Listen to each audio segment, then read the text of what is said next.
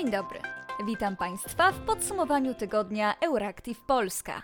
Dzisiaj opowiemy między innymi o śmierci Michaiła Gorbaczowa oraz o zawieszeniu porozumienia wizowego z Rosją. Nazywam się Patrycja Gosk, a w wirtualnym studiu jest też Bartosz Sieniawski. Wydawczynią podcastu jest Kinga Wysocka. Rząd Danii zbuduje na Bornholmie wielki kompleks energetyki wiatrowej. Niemcy i Duńczycy planują budowę energetycznej wyspy na Morzu Bałtyckim. Warta 9 miliardów euro inicjatywa morskiej energetyki wiatrowej ma być znaczącym krokiem w procesie odejścia Europy od rosyjskiego gazu. Jak informują lokalne media, tak zwane Bornholm Energy Island połączy kilka parków wiatrowych i rozprowadzi produkowaną przez nie energię między dwoma krajami. Według duńskiego rządu projekt będzie wymagał 3 miliardów euro inwestycji w infrastrukturę i 6 miliardów euro w przypadku morskiej farmy wiatrowej. Jak informuje Bloomberg, niemiecki operator sieci 50 Hertz i jego duński odpowiednik Energinet, który zbuduje hub energetyczny i połączenie z lądem, podzielą się zarówno kosztami, jak i zyskami z projektu. Według PAP-u po uruchomieniu Bornholm Energy Island inne kraje bałtyckie i Polska będą miały szansę dołączyć do projektu. Zarówno Niemcy, jak i Dania uzgodniły, że każdy nowy partner będzie wymagał zgody obu stron. Dzięki takim projektom wśród europejskich partnerów osiągamy jednocześnie dwa kluczowe cele: europejskie bezpieczeństwo energetyczne i neutralność klimatyczną, podkreślił niemiecki minister gospodarki i klimatu Robert Habeck. Przypomnijmy, że Komisja Europejska zamierza zwiększyć moc morskiej energii wiatrowej w Europie z obecnego poziomu 12 GW do 300 GW do 2050 roku. Rząd przyjął 30 sierpnia projekt budżetu na przyszły rok. Dochody budżetowe zaplanowaliśmy na poziomie 604,4 miliarda złotych. To jest wzrost o 105 miliardów złotych względem obecnego roku. Wydatki zaplanowane są na poziomie 669 miliardów złotych, a deficyt samego budżetu to około 65 miliardów złotych, zapowiedział premier Mateusz Morawiecki. Państwowy dług publiczny w 2023 roku ma wynieść 40,4% w stosunku do PKB, a cały dług sektora finansów publicznych ma wynieść 53%. Jak wynika z wyliczeń rządu, największe zyski państwo będzie czerpać z podatku VAT. Ma on przynieść 286 miliardów złotych. Wraz ze wzrostem cen w sklepach rosną i wpływy budżetowe. Nawet obniżenie VAT-u na część produktów nie niweluje tego efektu. 88 miliardów złotych wpływu do budżetu dać ma akcyza. 78 miliardów złotych wpłacimy do budżetu my, czyli podatnicy PIT a 73 miliardy złotych ma dać podatek od firm. Do 6% PKB wzrosnąć mają wydatki na służbę zdrowia. To realizacja wcześniejszej deklaracji złożonej lekarzom. Najbardziej rosnąć mają jednak wydatki na zbrojenia. Armia kosztować ma aż 98 miliardów złotych. Z rządowych wyliczeń wynika, że deficyt sięgnąć ma aż 65 miliardów złotych. Należy jednak pamiętać, że poza budżetem centralnym jest jeszcze deficyt sektora finansów publicznych. Według założeń nasz dług publiczny w relacji do PKB, liczony unijną metodologią, wzrośnie z 52 do 53% na koniec 2023 roku. Światowa Organizacja Zdrowia poinformowała 30 sierpnia, że epidemia małpiej ospy w Europie spowalnia. WHO wzywa jednak do podjęcia dalszych kroków, aby przeciwdziałać chorobie. Pojawiają się pozytywne oznaki, takie jak te widoczne we Francji, Niemczech, Portugalii, Hiszpanii, Wielkiej Brytanii i innych krajach, że epidemia może spowalniać, powiedział na konferencji prasowej dyrektor WHO w Europie Hans Kluge. To idzie w dobrym kierunku, oświadczył.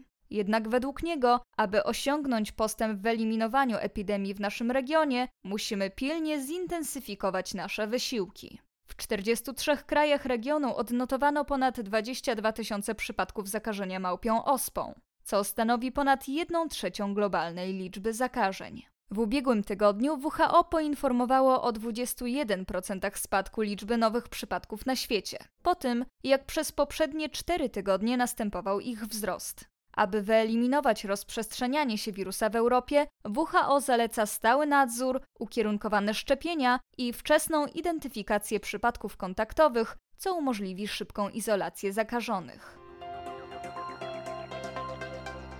Koniec z ułatwieniami wizowymi dla Rosjan. Unia Europejska zawiesi dotyczące ich porozumienie z Rosją.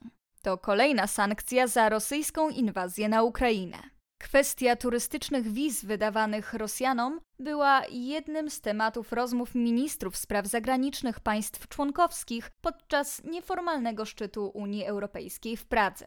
Od początku było wiadomo, że nie będą to łatwe rozmowy, bo grupa państw z Europy Środkowej i Północnej Dania, Finlandia, Estonia, Litwa, Łotwa, Polska i Czechy chciała całkowitego wstrzymania wydawania turystycznych wiz Schengen Rosjanom, ale grupa innych krajów Niemcy, Węgry, Francja, Grecja, Cypr i Włochy nie chciała się zgodzić na żadne sankcje wizowe.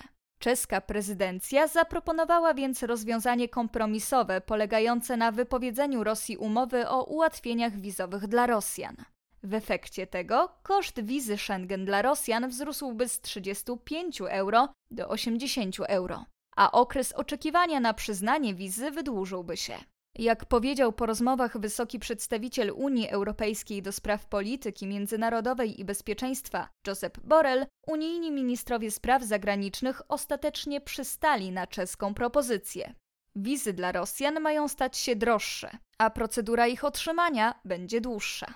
Obowiązywać będą ich więc takie reguły, jak obywateli wszystkich państw, które ułatwień wizowych nie miały.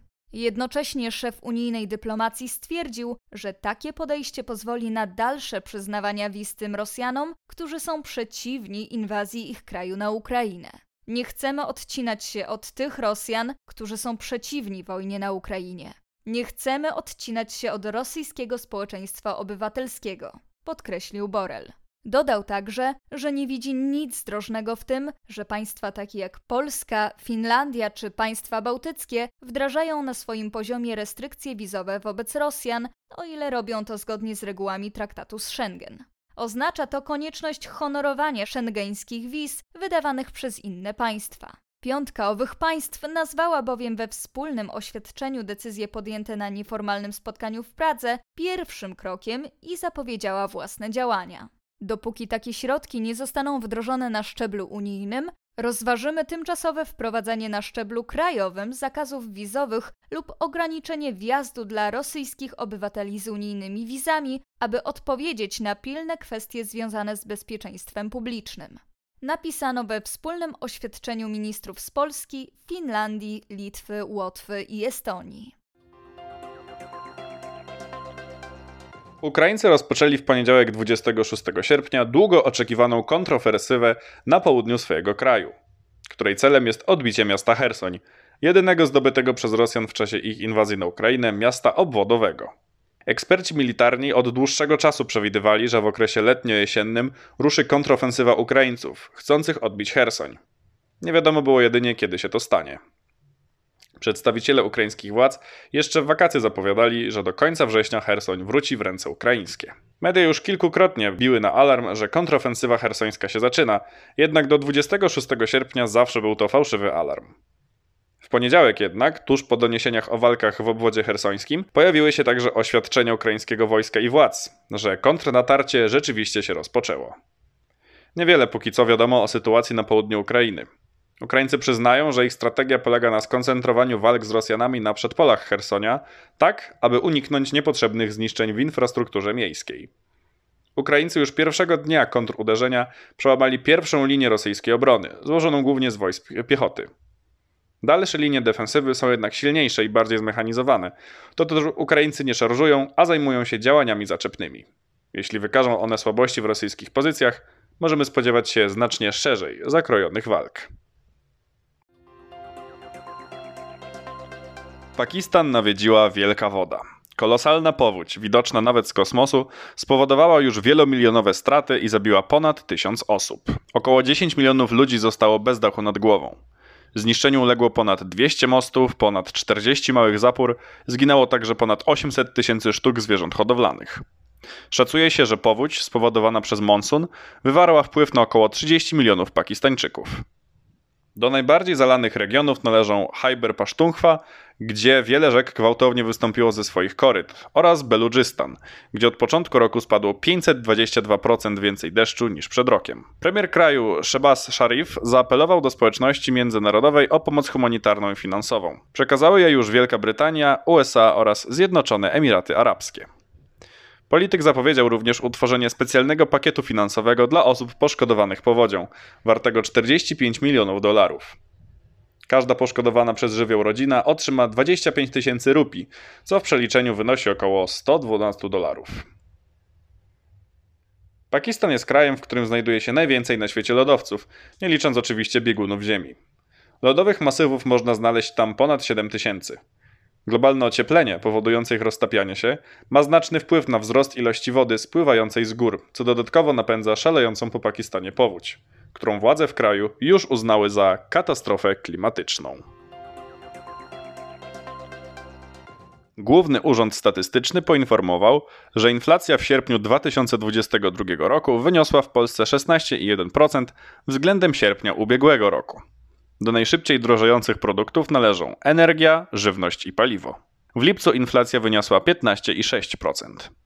Ceny energii wzrosły względem cen energii z sierpnia ubiegłego roku o 43%, a ceny paliwa z kolei podrożały o 23,3%.